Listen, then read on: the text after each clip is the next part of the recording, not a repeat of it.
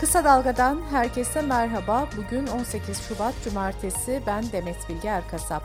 Gündemin öne çıkan gelişmelerinden derleyerek hazırladığımız Kısa Dalga bültene başlıyoruz. Kahramanmaraş merkezli 7.7 ve 7.6 büyüklüğündeki depremlerden sonra can kaybı 38 bini aşarken ağır hasarlı bina sayısının 84 bin olduğu açıklandı. Çevre ve Şehircilik Bakanı Murat Kurum, eşya almak için hasarlı binalara girilmemesi uyarısı yaparken, eşya alımının valilik koordinasyonunda yapılacağını belirtti. Deprem bölgesine ilişkin uzmanların salgın hastalık uyarısı da devam ediyor. Türk Klinik Mikrobiyoloji ve Enfeksiyon Hastalıkları Derneği Başkanı Profesör Doktor Serap Şimşek Yavuz şu an bölgede bir salgın hastalığın söz konusu olmadığını belirtti. Profesör Doktor Yavuz, Suriye'deki kolera salgını ve sınır bölgesinden bildirilen vakaların ise endişe verici olduğunu kaydetti. Depremden etkilenen kentlerde yıkılan binalarla ilgili soruşturmalar da devam ediyor. Adalet Bakanlığı'nın talimatıyla bu kentlerde özel olarak deprem suçları soruşturma bürosu kurulmuştu. Soruşturmalarda 309 şüpheli olduğu, 83 kişinin de tutuklandığı belirtildi. Şüphelilerden 4'ünün yurt dışında olduğu ve 10 şüphelinin de öldüğü saptandı. 14 kişi ise ifadesi alındıktan sonra serbest bırakıldı. Adalet Bakanı Bekir Bozdağ sadece müteahhitlerin değil, yapı denetim elemanları, belediye görevlileri ve mevzuata aykırı tadilat yapanlarla kolon kesenlerin de soruşturulduğunu söyledi. T24 yazarı gazeteci Tolga Şardan ise soruşturmaları hızlandırmak ve isabetli sonuç alınmasını sağlamak amacıyla sorular hazırlandığını yazdı. Tolga Şardan'ın yazısına göre şüphelilere yöneltilen bazı sorular şöyle. Binanın sahibi, müteahhidi, fenli mesulü kim? Bina kaç yılında yapıldı? Hangi tarihte inşaata başlandı? Hangi tarihte tamamlandı? Binanın ruhsatı alındı mı? Projeyi kim hazırladı? Yapı denetimini yapan firma hangisi? Bina ile ilgili imar barışı kapsamında bir başvuru oldu mu? İmar mevzuatına aykırılık nedeniyle herhangi bir cezai ya da idari soruşturma başlatıldı mı? Bu arada kamuoyunda müteahhitler kadar yapı denetim sistemi de tartışmaya açılmış durumda. Ekonomi gazetesinden Hüseyin Gökçe'nin haberine göre Yapı Denetim ve Deprem Mühendisleri Derneği Başkanı Nazmi Şahin, Malatya'da yıkılan 1300 binanın sadece ikisinin yapı denetimli olduğunu söyledi. Şahin, Türkiye'de birçok binanın yapı denetiminden geçmeden imar barışından yararlanarak iskan aldığını belirtti. CHP Mersin Milletvekili Alpay Antmen ise Twitter'dan yaptığı açıklamada Cumhurbaşkanı Erdoğan'ın tam bir yıl önce 4 Şubat 2022'de İskenderun'un 6 mahallesindeki bazı bölgeleri riskli alan kapsamından çıkardığını belirtti. Antben paylaşımına şu notu düştü. Demek ki deprem kader değilmiş. Çünkü deprem cinayetleri de politiktir. Deva Partisi Genel Başkanı Ali Babacan depremde 340 kişinin hayatını kaybettiği Şanlıurfa'da açıklama yaptı. Babacan şunları söyledi. Çok sayıda vatandaşımızı kaybettik ama bunların önemli bir kısmı önlenebilir kayıplardı. Deprem öncesi tedbirlerde daha dikkatli olunsaydı önlenebilirdi. Depremden sonraki ilk iki gün içinde hızlı hareket edilebilseydi yine çok sayıda ölümü önleyebilirdik. Maraş depremlerinden sonra uzmanların uyarılarının ardından olası Marmara depremi ve alınacak önlemlerde gündemin önemli maddeleri arasında yer alıyor. İstanbul Büyükşehir Belediyesi İmar ve Şehircilik Daire Başkanı Gürkan Akgün, Fatih, Beyoğlu, Kadıköy, Eyüp Sultan, Bakırköy, Bahçeli Evler ve Zeytinburnu gibi yerlerdeki yapıların riskli olduğunu belirtti. Akgün, olası bir depremin 5 milyon kişiyi doğrudan etkileyeceğini vurguladı.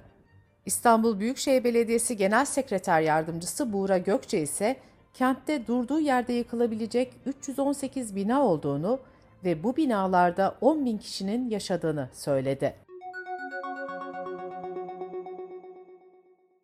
Deprem yayınlarına yönelik yaptırım geleceği tartışmaları devam ederken Rütük'ten açıklama geldi. Kurulun açıklamasında şu ifadelere yer verildi. Üst kurulun vazifesini yapması bazılarınca engellenmeye ve baskılanmaya çalışılmaktadır. Hiç kimse Rütük'ten görevini yapmamasını talep edemez hatta daha da ileri giderek bağımsız rütüyü tehdit etmeye yeltenemez. Muhalefet partileri ve meslek örgütleri rütüye medyaya baskı yapmaması yönünde çağrıda bulunmuştu. Emniyet Genel Müdürlüğü sosyal medya platformlarında depreme ilişkin provokatif paylaşımlarda bulunduğu tespit edilen 713 kişiden 21'inin kullandığını açıkladı. Depremlerin ardından üniversitelerde yaza kadar uzaktan eğitime geçildiği açıklanmıştı. Tepki çeken bu kararla ilgili YÖK'ten yeni bir açıklama geldi. Buna göre YÖK, uzaktan eğitim kararını Nisan başında tekrar değerlendirecek. Bu arada uygulamalı programlarda ise yüz yüze eğitime devam edilecek. Anayasa Mahkemesi Maraş merkezli depremler sonrası olağanüstü hal ilan edilen illerde bireysel başvuru süresinin 3 ay boyunca durdurulduğunu açıkladı.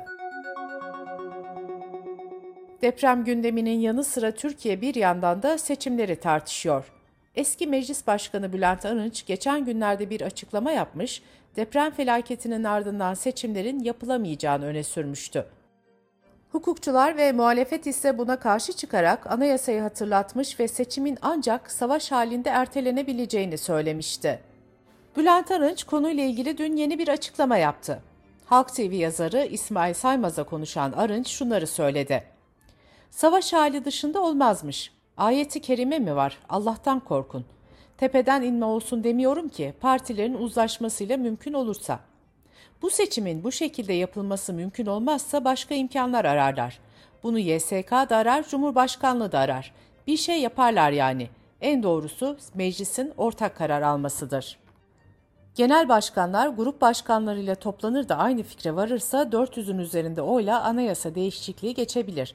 Yok böyle bir uzlaşma olmazsa ne yapılabilir derseniz kaos ortaya çıkar. Bülent Arınç'ın bu sözlerine CHP'li Gürsel Tekin Twitter'dan tepki göstererek milleti kaosla tehdit etmeyin dedi. CHP Genel Başkanı Kemal Kılıçdaroğlu da seçim zamanında 18 Haziran'da yapılacak önümüzde bunun için 4 ay var diye konuştu. CHP'nin 81 il başkanı da dün eş zamanlı açıklama yaptı ve YSK'nın seçimi ertelemesi demokrasiye darbe girişimi olacaktır dedi. Deva Partisi Genel Başkanı Ali Babacan'ın açıklaması ise şöyle. Anayasa hükümleri çok açık. Kimse hukukun üstünde değil. Mesele seçimler ve seçimlerin zamanı ise anayasaya herkes uymak zorundadır. Bu arada Hürriyet yazarı Hande Fırat ise Erdoğan'ın seçimlerin 14 Mayıs'ta yapılmasından yana olduğunu, bazı AK Partili isimlerin ise 18 Haziran tarihini savunduğunu yazdı. Kısa Dalga Bülten'de sırada ekonomi haberleri var.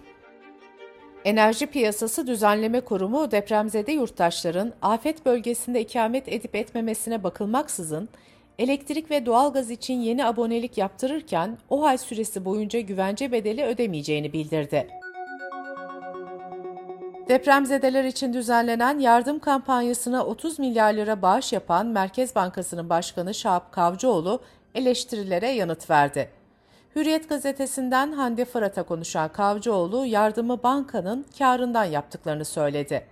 Kavcıoğlu bu para devletin parasıdır, milletin parasıdır. Milletin parasını da millete vermekten daha doğal bir şey yoktur dedi. Türkiye Tek Yürek kampanyası kapsamında Ziraat Bankası 20 milyar lira, Vakıfbank 12 milyar lira, Halkbank 7 milyar lira, Ziraat Katılım ve Vakıf Katılım'da 1 milyar lira bağış sözü vermişti.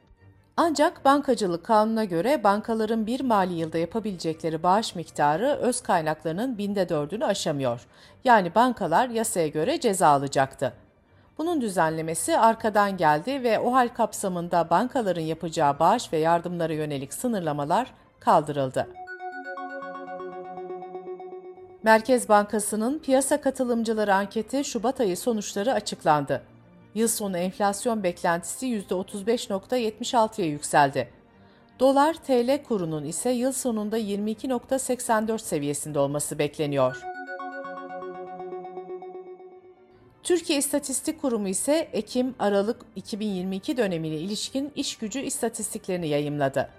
Türkiye'de işsizlik oranı 2022'nin 4. çeyreğinde 3. çeyreğe göre 0.2 puanlık artışla %10.2 oldu. Söz konusu dönemde işsiz sayısı 3 milyon 583 bin kişiye yükseldi. Genç nüfusta işsizlik oranı ise bir önceki çeyreğe göre 0.5 puanlık artışla %19.2 oldu. Dış politika ve dünyadan gelişmelerle bültenimize devam ediyoruz.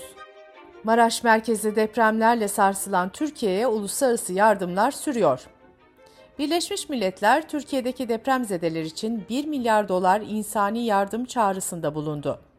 BM Genel Sekreteri Guterres, fonlamanın 3 aya yayılacağını ve 5.2 milyon kişiye yardım sağlanacağını belirtti.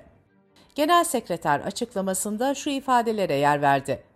Uluslararası topluma zamanımızın en büyük doğal afetine karşı düzenlenen bu teşebbüsü tam olarak desteklemeler için çağrıda bulunuyorum.